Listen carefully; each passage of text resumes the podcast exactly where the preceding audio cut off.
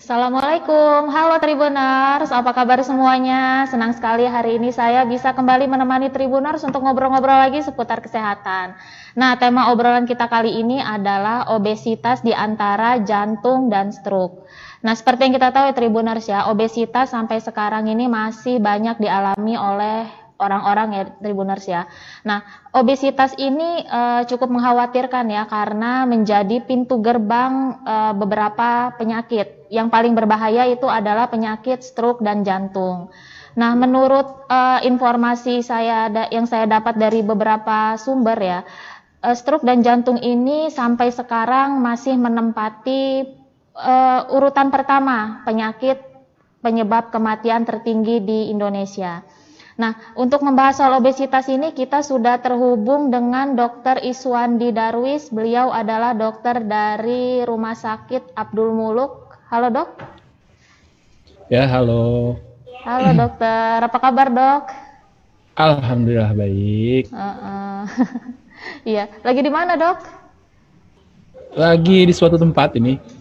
Offline, online ini online ya dok. Lagi di Yogyakarta. Uh, oh, iya Tribunnya saya lupa tadi dokter Iswandi Darwis ini adalah dokter spesialis penyakit dalam ya dok ya? Betul. Uh. Nah sebelum kita ngobrol soal tema kita hari ini dok, boleh dong dok uh, biar Tribuners ini kenal sama dokter gitu loh dok. Dokter ini hmm. kesehariannya praktek di mana sih dok? Baik, terima kasih. Assalamualaikum warahmatullahi wabarakatuh. Waalaikumsalam. Selamat sore semuanya, Tribuners um, Mbak Dini. Iya dok. Ya, kabar baik ya semua ya. Iya. ya, saya sekarang aktif uh, di ngajar sebagai dosen di Fakultas Kedokteran Universitas Lampung. Kemudian saya praktek di jam kerja di Rumah Sakit Umum Daerah Abdul Muluk. Um, kemudian kalau untuk sorenya saya di Rumah Sakit uh, Airan Raya dan nantinya masuk uh, praktek juga di Rumah Sakit Hermina. ya, itu mm keseharian saya. Mm -mm. Iya. Dokter ngajar juga nggak dok di mana gitu? Ngajar di FK Unila, Fakultas Kedokteran oh. Universitas Lampung. Iya, FK Unila ya. Nah, eh, ya. Uh, sekarang kita akan langsung bahas soal tema kita hari ini dok ya. Kita akan bahas soal obesitas. yang masih okay. banyak dialami orang sampai sekarang ya dok ya. Teman saya sendiri pun ya. ada dok yang sampai obesitas dok. Oke. Okay. iya nah, dok, uh, obesitas ini uh, penyebabnya apa, dok? Baik, ini uh, obesitas itu kan tadi dibahas sebagai pintu gerbang masuknya beberapa penyakit. Nah, penyakit itu kita harus bagi dulu nih penyakit itu ada dua jenis. Ada penyakit yang menular, ada penyakit yang tidak menular. Nah, kalau penyakit menular itu yang corona gitu ya. Kemudian kalau yang penyakit yang tidak menular salah satunya adalah diabetes, penyakit jantung, penyakit ginjal, stroke. Nah, itu penyakit tidak menular. Kedengaran nggak ya? Masih kedengaran nggak? Kedengaran iya, kan ya? agak-agak kecil tadi dok suaranya. Sudah kedengaran? Oh iya sudah dok. Ya boleh diulang nggak dok? Tadi saya agak nggak dengar dok. Obesitas itu sebabnya apa dok? Jadi uh, obesitas itu sebagai pintu gerbang masuknya beberapa penyakit. Nah, hmm. kita tahu penyakit itu ada dua jenis nih kita pisahkan. Yang hmm. pertama penyakit yang menular, kedua yang penyakit tidak menular. Hmm. Nah, kalau penyakit yang menular itu yang infeksi virus, infeksi bakteri, nah itu menular tuh. Hmm. Nah, contohnya coronavirus, nah itu menular. DBD hmm. itu menularnya dari dari nyamuk ada hmm. malaria, nah itu menular infeksi kebanyakan. Ada lagi penyakit yang tidak menular seperti diabetes, sakit ginjal, penyakit stroke. Nah itu bukan menular penyakitnya, hmm. tapi lebih ke arah penyakit karena proses degenerasi, proses penuaan, proses karena makan yang nggak betul. Oke, okay. nah obesitas ini adalah pintu gerbang berbagai macam penyakit. Salah satunya adalah diabetes. Nah, nanti ujung-ujungnya bisa sakit jantung, bisa sakit stroke gitu. Dan bisa juga penyakit ginjal. Jadi ini kebanyakan orang-orang obesitas dianggap remeh. Coba dihitung deh, coba dihitung deh. Mbak Dini ini tinggi badannya berapa kilo nih kayaknya nih? Tapi kalau kelihatan secara fisik sih nggak kelihatan obesitas sih ya. Iya enggak lah dok. ya, jadi gini rumusnya kalau obesitas itu indeks massa mm-hmm. tubuhnya itu lebih dari 25. Mm-hmm. Kalau gizi lebih, jadi di atas 323 itu sudah dikatakan sebagai kegemukan sebetulnya. Mm-hmm. Nah, misalnya berat badan saya nih, berat badan saya 100, uh, eh, sorry, tinggi badan saya itu 176. Tinggi, berat badan saya itu adalah 76 kilo. Nah, apakah saya ideal atau tidak? Apakah saya obesitas atau tidak? Nah, dilihat dari sini. Kalau uh, tinggi, jadi berat badan itu dibagi tinggi badan dalam sentimeter di pangkat tua itu tidak boleh indeks massa tubuhnya lebih dari 25 atau kurang dari 18. Kalau kurang dari 18 artinya kurus. Hmm. Kalau lebih dari 25 artinya dia gemuk. Hmm. Nah, gitu. Nah, kalau misalnya lebih dari 25 ya udah itu berarti namanya obesitas. Nah, tapi obesitas itu kegemukan itu ada dua jenis. Gemuk di seluruh badan, di seluruh badannya gemuk tuh. Ada juga gemuknya itu cuma gemuk di perut aja, namanya obesitas sentral. Coba pegang perutnya, coba pegang cubit perutnya. Nah, coba tribuners semua di punya punya kulit perut itu coba dicubit. Kalau memang kecubit itu lemaknya itu kebanyakan atau lebih enak lagi obesitas itu um, ngambil penggaris, ambil meteran untuk mengukur baju ya. Coba dihitung lingkar perutnya. Kalau laki-laki tidak boleh lebih dari 90 cm, kalau perempuan tidak boleh dari 80 cm. Nah, coba tribuners di rumah yang punya apa namanya meteran untuk jahit itu loh. Nah, coba dihitung. Yeah. Nah, kalau misalnya dia lebih laki-laki lebih dari 90, perempuan lebih dari 80, hmm. itu ada namanya adalah obesitas sentral. Gitu. Atau lebih hmm. sederhananya saya sering sering sering uh, suka bercandain orang gitu. Coba kalau berdiri tegak, ya laki-laki nih untuk laki-laki rumusnya. Kalau berdiri tegak, kepalanya itu tidak boleh tidak boleh menegak ke, ke bawah, coba. Lirik ke bawah. Nah, dalam posisi tidak memakai tidak memakai baju ya. Kalau memang tidak bisa melihat adiknya ya mungkin itu obesitas karena ketutup perut. Uh. Nah, saya sering sering sederhana kayak gitu saya. Mungkin edukasinya agak ini ya, agak kurang pas uh. betul. Tapi kadang-kadang uh, edukasi seperti itu kadang-kadang sedikit nyangkut juga. Jadi intinya perut itu tidak boleh lebih uh, lingkarnya tidak boleh dari 90. Kenapa pertanyaannya kayak gitu? Nah, pertanyaannya kenapa dok? Lingkar perut tuh nggak boleh lebih dari 90 cm pada laki-laki. Perempuan tidak boleh lebih dari 80 cm karena kalau perut di situ berat apa e, gede banget di situ lemak di dalam situ itu banyak banget nah kalau lemaknya banyak dia akan menyebabkan kondisi namanya kerja insulin tidak baik kerjanya hmm. jadi kerja kerja insulin nggak baik akibatnya merupakan faktor risiko terjadinya diabetes hmm. nah kemudian si lemak ini juga jahat dia. Dia itu bisa menyebabkan kondisi yang mana terjadi hipertensi. Nah, hipertensi ujung-ujungnya diabetes, hipertensi, eh, kemudian kegemukan itu nanti menyebabkan namanya sindrom metabolik namanya. Nah, nanti penyakit ujungnya bisa penyakit stroke. Karena pembuluh darahnya itu rusak. Penyakit hmm. jantung, koroner, serangan jantung, kemudian bisa penyakit ginjal yang menahun yang nantinya akan cuci darah. Jadi obesitas itu adalah penyakit hulu saya katakan. Jadi kondisi yang sangat dasar banget gitu. Jadi tribuners ini kalau memang punya masalah di berat badan, jangan ditunda-tunda untuk turunkan berat badannya karena e, kalau memang sudah jatuh pada diabetes, sudah jatuh pada penyakit stroke, sudah jatuh pada uh, penyakit jantung itu susah disembuhkan. Jadi ada nggak dok diabetes bisa nggak dok diabetes sembuh? Ya nggak bisa, bisanya dikontrol gulanya. Nah makanya sebelum jatuh pada kondisi diabetes, kondisi jantung eh, jantungnya besar, gak lemah jantung, obesitas tuh harus ditangani dulu. Nah caranya gimana dok? Pasti nanya dok caranya gimana untuk menangani obesitas?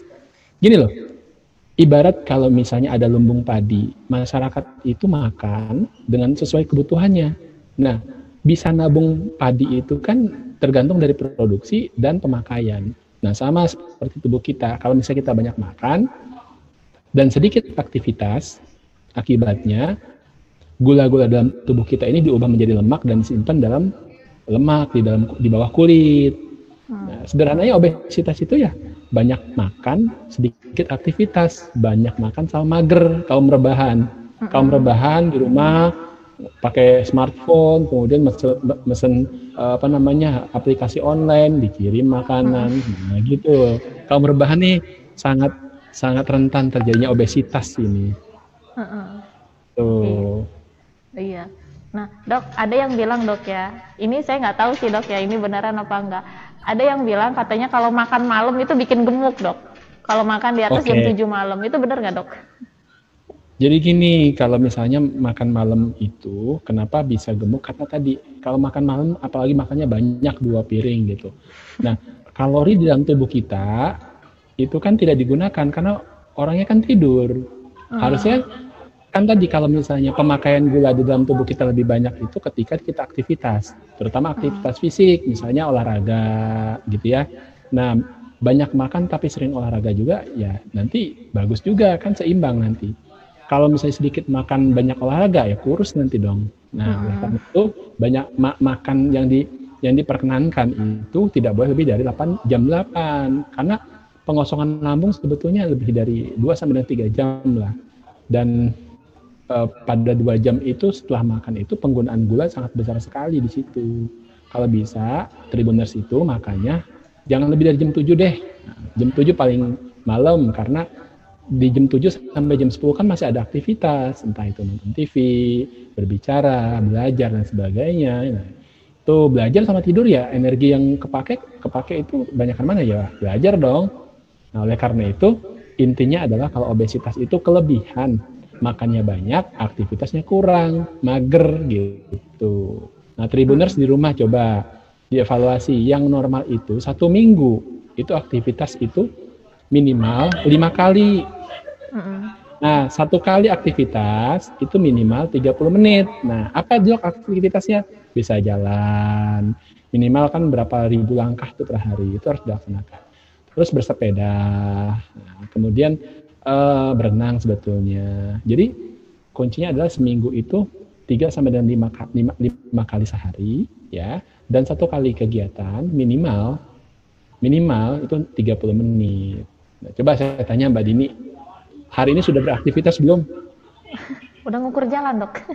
Udah ngukur jalan ya aktivitasnya. Ngukur jalan pakai sepeda atau pakai sepeda motor? Kalau sepeda motor kan nggak ada tenaga.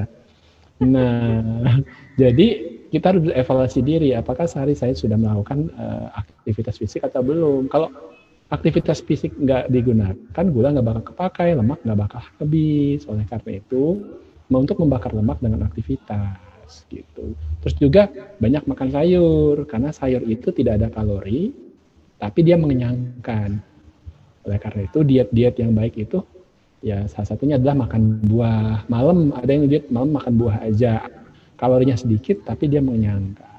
Hmm. Tapi kalau orang Indonesia ini kalau nggak makan uh, nasi ini nggak mantep katanya. Iya, belum makan katanya dok kalau nggak makan. Iya, kadang-kadang makan nasi uduk pakai nasi. nasi uduk nasi putih gitu. Kan nasi, nasi uduk sama nasi ya gitu. Jadi penyebabnya itu um, kalau kegemukan itu intinya banyak makan, sedikit aktivitas. Dan dia adalah pintu gerbang penyakit diabetes, penyakit hipertensi, penyakit stroke, penyakit ginjal dan sebagainya. Jadi penyakit hulu dia saya sebutnya. Tapi banyak orang yang yang yang nggak aware masalah masalah berat badan ini. Coba deh di kantor Tribun itu, coba diukur uh, apa namanya lingkar pinggangnya berapa orang itu dari 10 orang itu. Mungkin aja 50 orang lingkar perut perutnya sudah maju itu, jangan-jangan gitu ya. Nah mungkin Tribuners di rumah juga lihat uh, lingkar perutnya coba. Nah itu itu sederhana, pemeriksaan sederhana kalau memang lingkar perutnya itu udah lebih dari 90 pada laki-laki dan perempuan lebih dari 80. Nah, itu obesitas tuh. Obesitas sentral namanya. Kalau obesitas semuanya lihat dari indeks massa tubuh. Jadi intinya berat badan dibagi tinggi badan dalam sentimeter dibagi dua. Kalau normalnya itu 18 sampai dengan 25 hmm. gitu. Iya. Ya. Dok, ada yang bilang juga dok, obesitas itu karena uh, ada faktor keturunan juga dok. Benar apa nggak dok? Ya betul, ada faktor keturunan. Betul sekali. Jadi ibunya gemuk, anaknya gemuk bisa ada faktor keturunan. Karena penggunaan kalori dalam tubuh kita kan bergantung sama enzimnya, bergantung sama metabolismenya, yang mana kegiatan tersebut kan bergantung secara genetika. Gitu. Ada orang yang gemuk, berat, nurunin berat badan susah banget kan. Ya, apalagi puasa, puasa 30 hari turun 2 kilo, lebaran 2 3 hari naik 10 kilo. Nah, ada yang seperti itu. nah, kemudian uh, ada juga yang kurus, udah pakai suplementasi banyak bang tetap aja kurus. Nah itu harus diperiksa tuh harusnya. Tuh memang secara genetika ada. Nah kayak mbak Dini nih. Ini makannya banyak nggak tuh? Saya makan banyak mas segini-segini aja dok. Nggak nambah. oh, ya. nggak nambah-nambah ya. Berarti uh. memang metabolisme cukup tinggi karena kerjanya mungkin cukup tinggi. Ke sana ke sini uh. nyari berita nyari konten dan sebagainya. Kan pusing apalagi di, di, dikejar-kejar redaktur nih harus bagus nih kualitas beritanya nih harus stres. Dan stres itu juga bisa menggunakan gula. Jadi kalau orang stres kan bisa kurus karena aktivitasnya tinggi pada orang stres itu. Nah dok kalau orang udah terlanjur obesitas dok udah terlanjur ya dok ya itu kan kadang udah sampai ada yang putus asa udahlah nggak bisa lagi lah itu nurunin berat badan gitu. Hmm. nah itu uh, apa sih dok yang harus dilakukan untuk menurunkan berat badan dan butuh waktu berapa lama dok dia untuk uh, apa berat badannya itu bisa kembali normal dok? Oke, okay. kalau untuk waktunya memang uh, ada namanya penurunan berat badan yang tidak boleh melebihi. Jadi dalam, dalam satu bulan itu tidak boleh melebihi dari 10% dari berat badan. Misalnya berat badannya itu uh, 100 kilo. Nah, itu dalam satu bulan itu tidak boleh melebihi penurunannya lebih dari 10 kilo. Jadi bertahap kan ada tuh di berita anak yang bobotnya sampai 100 berapa kilo. Sekarang sudah turun kan berat badannya ya. Sampai kulitnya kulitnya ngegelewer-gelewer gitu loh. Ada uh, iya. sampai ada uh, pelatihan di bawah aderai aderai kan. Nah apa yang dilakukan? Makannya dikurangin aktivitasnya bisa dibanyakin. Aktivitas dengan apa? Olahraga. Lari. Nah olahraga itu ada dua loh. Pertama olahraga kardio namanya olahraga aerobik. Dia itu me me melatih kebugaran Coba Mbak Dini, naik turun tangga satu kali aja ngos-ngosan kan ya. Iya. Nah, itu nggak bugar namanya. Itu namanya nggak bugar. Nah, dilatih dengan cara apa?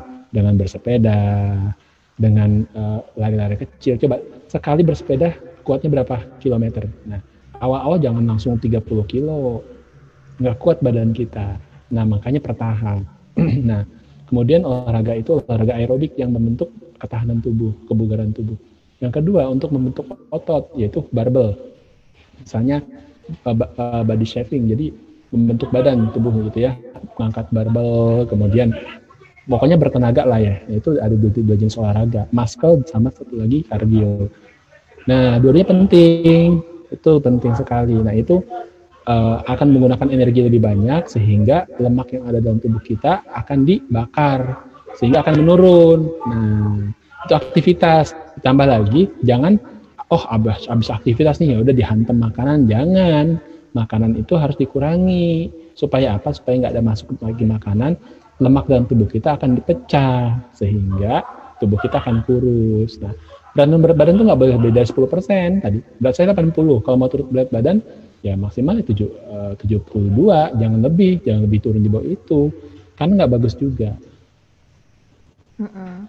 Nah dok kalau untuk uh, tadi kan dokter kan bilang untuk uh, mengurangi asupan makanan ya dok ya. Itu tapi yeah. bukan uh, berarti itu artinya bukan nggak makan sama sekali ya kan ada orang yang uh, apa udahlah hari ini gue nggak makan lah mau diet lah gitu itu salah ya dok ya.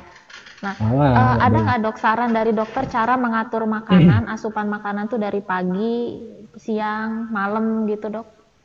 Oke, sebetulnya yang lebih ahli uh, yang menangani dokter gizi klinis ya, tapi penanganan saya seperti ini. Jadi makan tetap tiga hari, tetapi porsi yang harus kita atur. Porsinya, jadi tiga kali sehari tetap, tapi porsi pagi misalnya. Pagi itu lebih sedikit, siang itu agak banyak sedikit gitu. Nah kemudian uh, pada malam hari biasakan minum makannya makan buah, buah yang mengenyangkan, misalnya uh, jangan jangan buah duren ya. Ini di Lampung lagi musim mau musim ini katanya selingan durian selingan katanya. Nah jangan jangan berlemak gitu. Nanti buahnya yang yang yang yang kalorinya ada tetapi tetap kalorinya sedikit tapi mengenyangkan contohnya buah pir apel gitu. Nah itu untuk makan malam. Jadi dikurangi untuk makan-makan uh, karbohidrat di malam hari. Karena tadi saya, saya bilang, kalau misalnya makan karbohidrat pada malam hari, kemudian uh, langsung tidur, kalori nggak bakal di dibakar gitu dan akan numpuk pada lemak. Nggak bagus. Nanti lemak itu bisa numpuk di mana? Di pembuluh darah.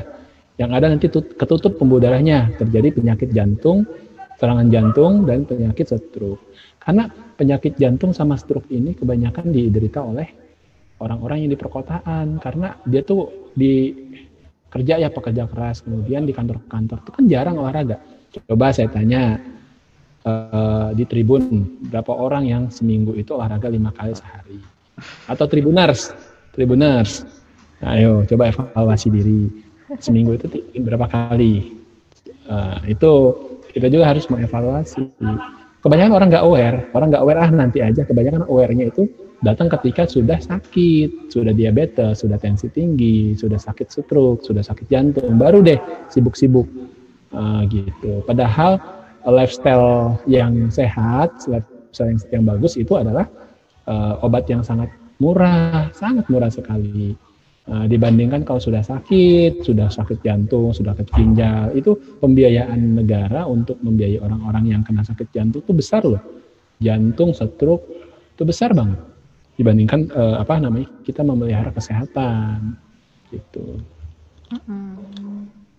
Nah ini dok obesitas ini apakah faktor ini dok? Saya kan pernah dengar penyakit jantung itu sekarang itu bukan cuma diderita sama orang yang udah udah tua ya dok ya, tapi usia muda pun yeah. udah ada yang terkena jantung, udah ada yang terkena stroke gitu. Itu benar nggak dok?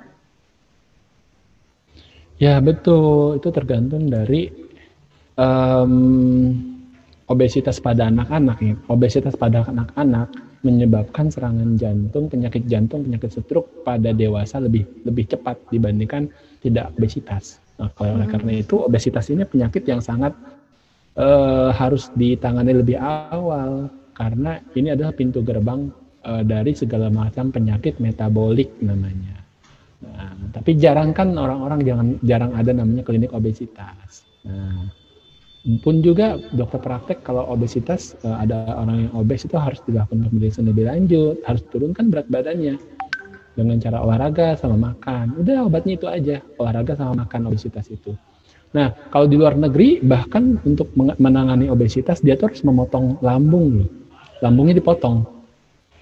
Karena lambungnya kan terlalu besar, terlalu lebar sehingga kan um, uh, apa asupan makannya terlalu banyak juga. Oleh karena itu di luar negeri itu gastrektomi sudah banyak dilakukan untuk mengatasi obesitas. Jadi untuk menangani obesitas, lambungnya dipotong, uh, kemudian asupan makanan itu makan sedikit aja sudah kenyang. Mm-hmm. Gitu. Iya. Kalau di Indonesia sudah ada belum dok itu potong lambung? Sudah. Uh, memang kalau secara ada indikasi untuk pemotongan lambung, sebagian ya, Uh, kalau memang diindikasikan memang kalau pada berat badan yang sangat sulit terkendali mungkin bisa dilakukan pemotongan lambung itu gastrektomi namanya. Mm-hmm. Dan itu yeah. tindakan. Ya sebelum ke arah sana makanya diperbaiki dulu. Aktivitasnya harus dibenerin. Aktivitasnya jangan juga, oh saya mau sehat, aktivitas lari langsung 20 kilo maraton. Mm-hmm. Jangan, nggak boleh, harus bertahap bertahap 5 kilo dulu 7 kilo naik terus bertahan. Jadi prinsip uh, apa namanya olahraganya itu harus continue kemudian endurance-nya harus diperpanjang endurance ada perpanjang gitu ya. Uh, ketahanan tubuhnya harus lebih kuat gitu. Jangan tiba-tiba saya jarang olahraga udah dua tahun eh tiba-tiba suruh lari 10 kilo. Ngos-ngosan langsung pingsan. Pingsan. Iya makanya untuk olahraga juga makanya ada dokter itu ada ada dokter spesialis kedokteran olahraga ada spesialisnya yang menangani itu. Oh, ada lagi dokter spesialis, ada dokter spesialis kedokteran olahraga, ada lagi dokter spesialis gizi klinis. Nah itu untuk membantu uh, dokter-dokter penyakit dalam, dokter-dokter yang lain, dokter saraf untuk menangani masalah uh, kesehatan. Jadi olahraga dan aktivitas fisik, kemudian makanan juga itu adalah obat loh. Percaya nggak Mbak Dini? Air air putih juga obat. Air putih itu obat haus. Iya dok. Nah dok soal yang potong lambung tadi itu dok, itu tuh dokter itu memutuskan dia harus potong lambung itu kalau udah dalam kondisi gimana dok? Apa dia tidak bisa lagi mengontrol makanannya? Apa berat badannya terus naik gitu dok? Atau gimana dok? Ya itu banyak indikasi, uh, hmm. indikasinya banyak sekali. Kalau memang gagal dilakukan uh, pengobatan melalui pengaturan diet dan olahraga, kalau hmm. memang uh, berat badannya itu justru akan nambah buruk kondisi misal penyakit diabetes jantung sebagainya itu harus dilakukan dilakukan tindakan. Gitu. Iya. Jadi memang harus di itu dok. Itu usia berapa sih dok minimal dok? Dia bisa potong lambung itu dok? Ya banyak faktor sih ya. Uh, mm-hmm. usia bisa uh, kemudian indikasinya tergantung dari dokter bedah sebetulnya. Mm-hmm. Oh ya dok tadi kan dokter sempat nyebut obesitas pada anak Nah ini nih ya. jarang masih jarang diketahui orang tua ya dok ya, karena orang-orang tahunya obesitas itu tuh hanya untuk orang dewasa saja. Nah ya. itu penyebab obesitas pada anak ini sama orang dewasa ini sama nggak dok? Oke, kata orang lama, kata orang dulu kalau anak itu gemuk itu sehat, salah. Hmm, benar. Salah, bukan seperti itu konsepnya. Kalau anak gemuk tuh, wah sehat bener nih. Hmm. Kayaknya nggak bagus. Justru obesitas pada anak akan memungkinkan penyakit metabolik di kemudian hari pada usia dewasa dan lebih cepat. Pasien saya ada usia 30 tahun sudah diabetes mellitus. Harusnya dia usia lebih dari 45 tahun, tapi lebih cepat ternyata dia waktu kecilnya obesitas. Nah, uh, kemudian ada faktor yang lain. Nah, faktor keturunan pun uh, menempati tempat yang harus dipertimbangkan untuk untuk ke, angka kejadian obesitas pada anak. Oleh karena itu, ibu ibu orang tuanya obesitas, anaknya obesitas hati-hati gitu. Mm-hmm. Iya. Ada ada sih obat untuk menurunkan obesitas yaitu untuk menurunkan uh, nafsu makan ada pengobatannya. Mm-hmm. Gitu. Iya. Nah kalau penyebab dari obesitas sama uh, pada anak sama orang dewasa ini sama nggak dok? Apa beda dok? Ya sama. Kalau misalnya mm-hmm. makannya banyak, aktivitas fisik sedikit, ya obesitas nanti. Oh iya. Gitu. Jadi kalau anak terlalu gemuk itu malah nggak bagus dok ya. Kayak kalau orang gak tua bagus. itu kan sukanya anak itu yang sampai kulitnya ngelipet ngelipet itu loh dok. Iya itu nggak bagus. Nggak boleh tuh iya. Malah hmm. ada sepupu saya dok itu yang dia bingung anaknya itu nggak gemuk gitu. Tapi sehat anaknya. Hmm. gitu. Padahal sebenarnya nggak apa-apa itu dok ya. sama aja nggak boleh terlalu kurus nggak boleh terlalu gemuk. -mm. Iya. Nah kalau uh, orang tua ini dok sudah menemukan anaknya ini obesitas dok, sudah tahu ya obesitas itu, itu apa yang harus dilakukan orang tua dok? Dokter. Mm -mm. Eh, dokter anak. Ke, dok, ke dokter anak, jangan ke dokter penyakit dalam ya. Ke uh. dokter anak dulu, nanti dilihat di asesmen nanti apakah dari obesitas tersebut uh, menurunkan kualitas dan akan beresiko penyakit uh, penyakit ke depannya pada anak tersebut. Mm. Iya, jadi solusinya ya ke dokter anak dok ya, bukan ke ini. Bukan, bukan iya. ke internet, ke dokter anak ya. Iya. Nah, terakhir dok, ciri-ciri obesitas pada anak ini gimana? Nah, tadi kan dokter kan sudah nyebutin dok ciri-ciri obesitas pada hmm. orang dewasa. Kalau pada anak-anak ini gimana dok ciri-cirinya? Ya, kalau pada anak ini tidak bisa dijadikan patokan indeks massa tubuh. Hmm. Kalau indeks massa tubuh itu pada dewasa. Kalau pada anak itu tidak dijadikan berat badan dibagi tinggi badan pangkat dua, bukan Hmm. Tapi dia itu menggunakan tabel. Ada tabelnya ketika anak usia sekian berat badannya berapa, tinggi badannya berapa. Jadi ada ada tabelnya, tabel konversi gitu. Jadi, saya nggak apal juga, nggak apal juga untuk untuk untuk uh, apa namanya penghitungan tersebut. Jadi ada tabelnya, makanya saya bilang uh, kalau memang di puskesmas, posyandu itu kan uh, dilakukan penilaian. Itu kan akan ada penilaian uh, umur dibandingkan berat badan, umur dibandingkan tinggi badan, tinggi badan sekian, umur sekian tinggi badannya harus berapa. Hmm. Kalau memang dia masuk ke berat banget, dia masuk ke garis merah. Nah, itu hmm. harus harus dikurangi makannya. Jadi problem hmm. anak ada yang susah makan, ada yang makan mulu. Nah, hmm. Itu harus diatur. Hmm. iya.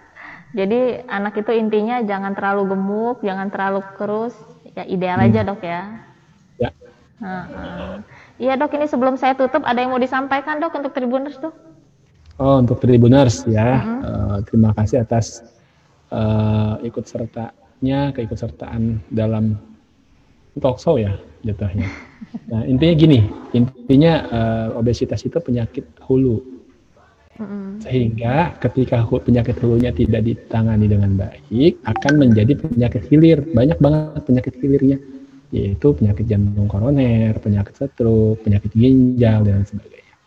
Nah, mm. pelaksananya intinya adalah kalau orang gemuk itu banyak makan, sedikit, banyak makan, terus mager, malas gerak. Mm.